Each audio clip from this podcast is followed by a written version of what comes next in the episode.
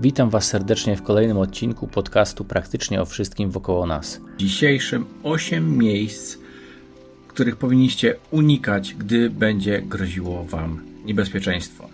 Aktualna sytuacja na świecie jest no, niezbyt ciekawa i nie napawa optymizmem. Jeśli jesteście świadomi potencjalnych konsekwencji eskalacji tego, co się dzieje, Poza naszymi granicami powinniście dokładnie przeanalizować swoje możliwości przeżycia w trudnych sytuacjach, których no, nie doświadczacie na co dzień. W dzisiejszym odcinku opowiem o ośmiu potencjalnych konsekwencjach braku jakiegokolwiek przygotowania i osiem miejsc, których powinniście unikać, gdy nastąpi jakakolwiek katastrofa w waszej okolicy. A zapewne je odwiedzicie, bo jesteście nieprzygotowani. Zapraszam. Miejsce pierwsze to duże zgromadzenia publiczne. Najczęściej, gdy następuje katastrofa, ludzie jako zwierzę stadne lubi gromadzić się w grupie, twierdząc, że w grupie jest bezpieczniej.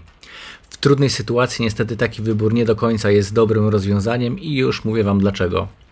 Panika, natura ludzka, egoizm może doprowadzić do dużych problemów w trakcie katastrofy.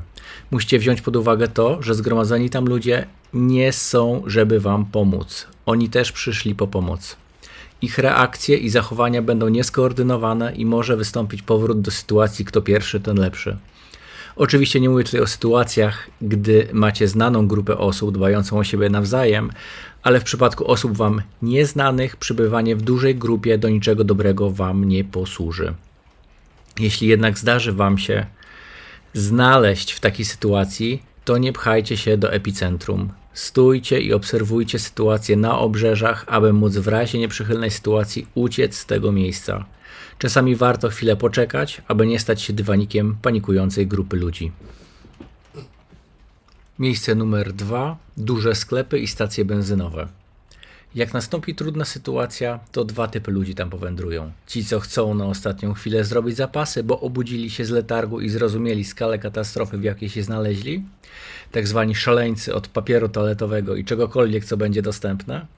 Nawet oni, chcący legalnie nabyć te produkty, mogą odbić się od drzwi wejściowych, bo sklep nie będzie przeprowadzał jakichkolwiek transakcji. Nie będzie prądu przez dłuższy czas, duże prawdopodobieństwo, że nawet do sklepu nie wejdziesz, a pozostali zgromadzenia nie do końca mogą mieć dobre intencje. I tu teraz powiem Wam o drugim typie ludzi chętnych na darmowe zakupy. Nie chcesz być w żadnej z tych grup. Potencjalne niebezpieczeństwo, panika i brak kontrolowanych zachowań współobecnych nie jest warte ryzyka tego, że nie wrócisz do domu do swojej rodziny, dla której chciałeś zrobić zakupy. Dlatego się przygotowujemy. Kolejnym miejscem, które będzie oblężone przez ludzi, to stacje benzynowe.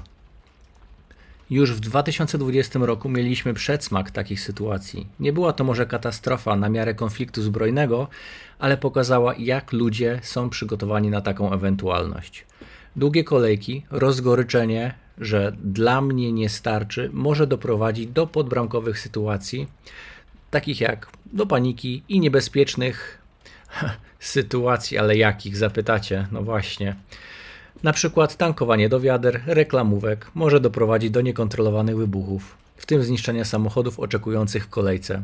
Jako preper powinieneś mieć co najmniej 20 litrów zapasu na taką ewentualność i zawsze wracać do domu z prawie pełnym zbiornikiem w aucie. Tak, aby w razie konieczności ucieczki z miejsca katastrofy móc dojechać do bezpiecznej lokalizacji, jakakolwiek ona by nie była.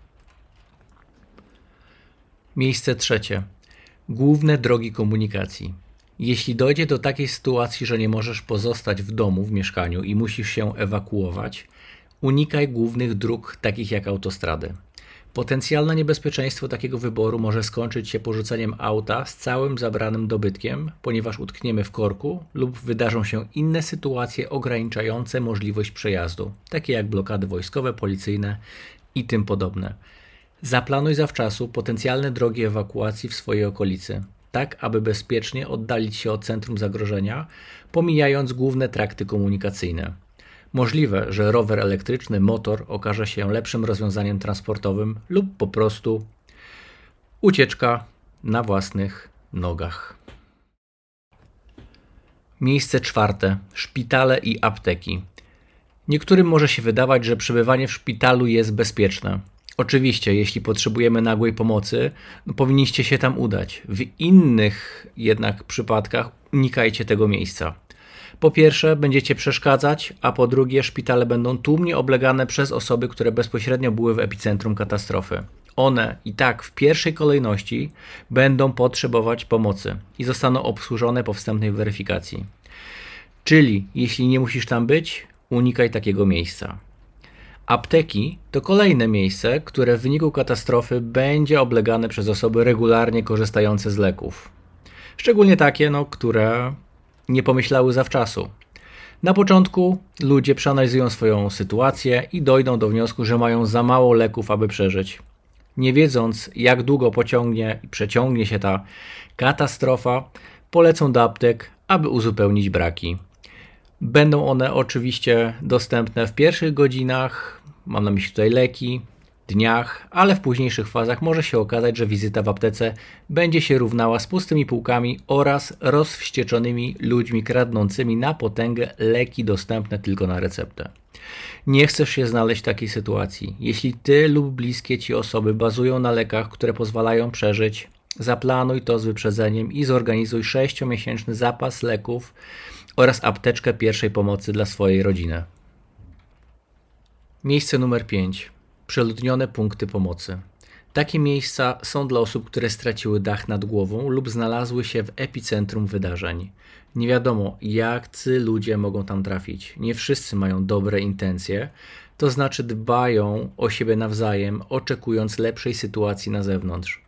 Mogą być tam tacy, co przyszli tam kraść, lub w wyniku sytuacji, jaka jest naokoło, wykorzystać innych tam będących do swoich różnych niecnych celów.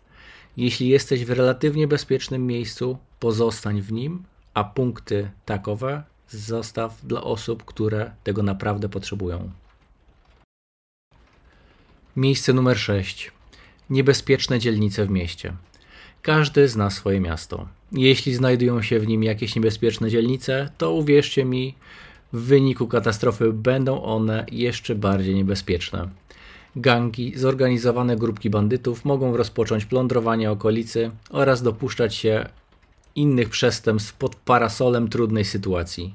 Włamania, napady, wzmożona aktywność kryminalna w tych dzielnicach będzie na najwyższym poziomie. Unikaj takich miejsc, bo służby bezpieczeństwa nie będą w stanie Tobie pomóc.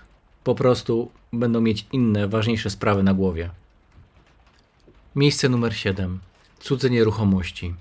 Polacy są kreatywnym narodem i nigdy nie wiadomo, w jaki sposób ci najlepsi będą się bronić przed potencjalnymi nieproszonymi gośćmi. Unikaj posesji prywatnych, nie wchodź na nie, nie próbuj wejść do środka budynków, co do których nie masz pewności, że jesteś mile widziany. Jeśli wszedłeś na cudzą posesję lub ziemię w celu przemieszczenia się w inne rejony przy spotkaniu z właścicielem, najlepiej ręce podnieść do góry i przedstaw swoje zamiary.